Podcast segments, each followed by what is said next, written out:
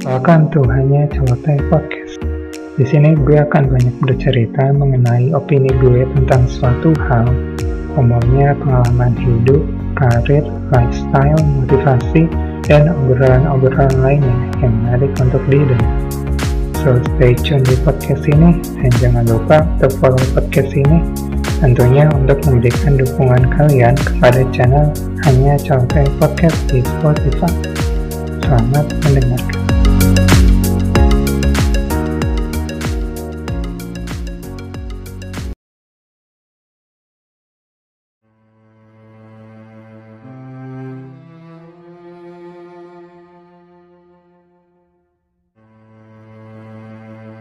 Hello guys, welcome to my podcast.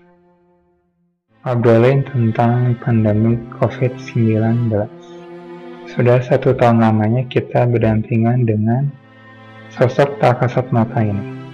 Apa kabar kalian? Tahun 2020 lalu gue memiliki harapan yang ingin gue wujudkan dan gue berharap rencana dan harapan tersebut bisa terwujud atau setidaknya terlaksana di tahun lalu. Tapi memang namanya juga rencana buatan manusia. Meskipun gue berespektasi tinggi dan gue saat itu memiliki target A, B, dan C. Pada akhirnya, jika takdir berkata lain, maka sehebat apa pun rencana manusia, tetaplah tidak bisa melawan kehendak yang maha kuasa. Sedikit flashback ke belakang. Bulan Maret tahun 2020 lalu menjadi tamparan yang lumayan keras saat itu. Tiba-tiba semua diminta untuk tetap di rumah, sampai orang yang hanya sekedar ingin mengais rezeki demi segenggam beras pun dilarang. Tapi ya apa boleh buat, semuanya tiba-tiba terjadi.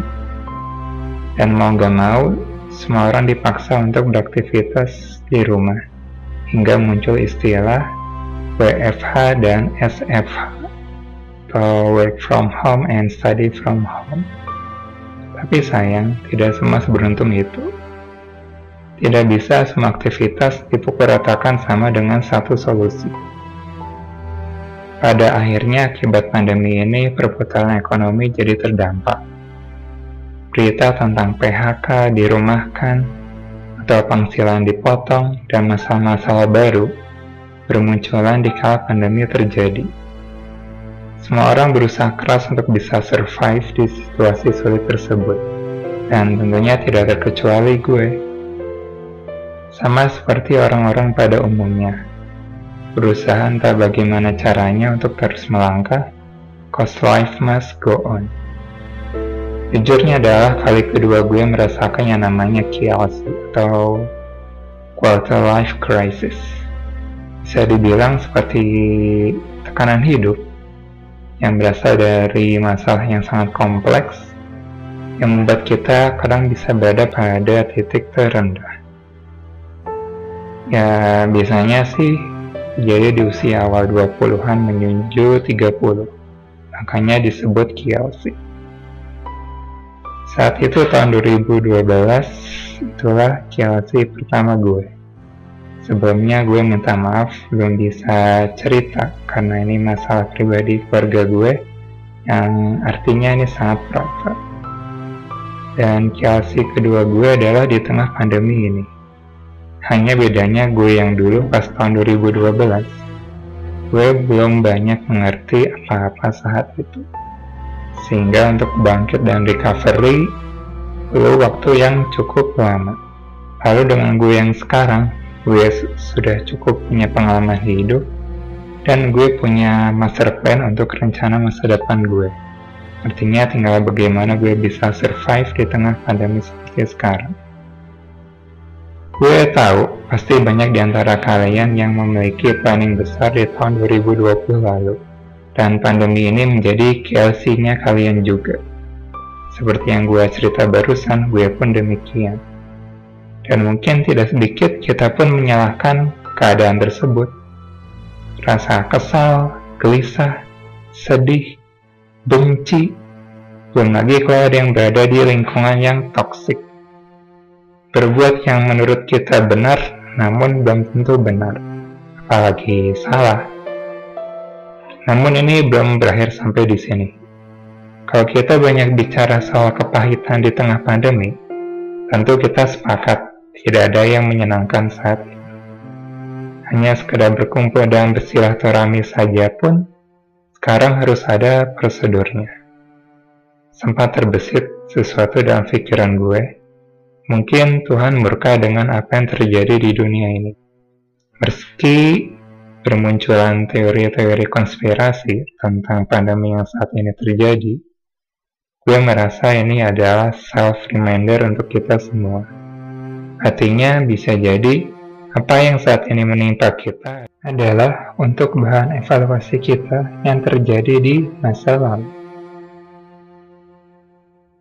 Jujur, pandemi ini mengajarkan gue sesuatu. Selalu senantiasa bersyukur hingga rezeki sekecil apa pun. Belajar untuk menjadi pribadi yang lebih sabar, ikhlas, lapang dada, meski gue tahu ini bukan hal yang mudah. Apalagi kalau kita berada di lingkungan yang toksik. Mencoba untuk belajar mengambil hikmah di setiap masalah-masalah yang datang silih berganti.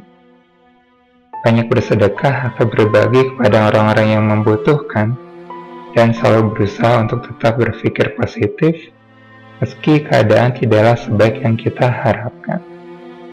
Gue tahu semua ini seperti mudah terucap namun berat dijalani. Dalam kepercayaan gue anut, di balik kesulitan akan selalu ada kemudahan. Gue mencoba meyakini itu meski sedikit skeptis.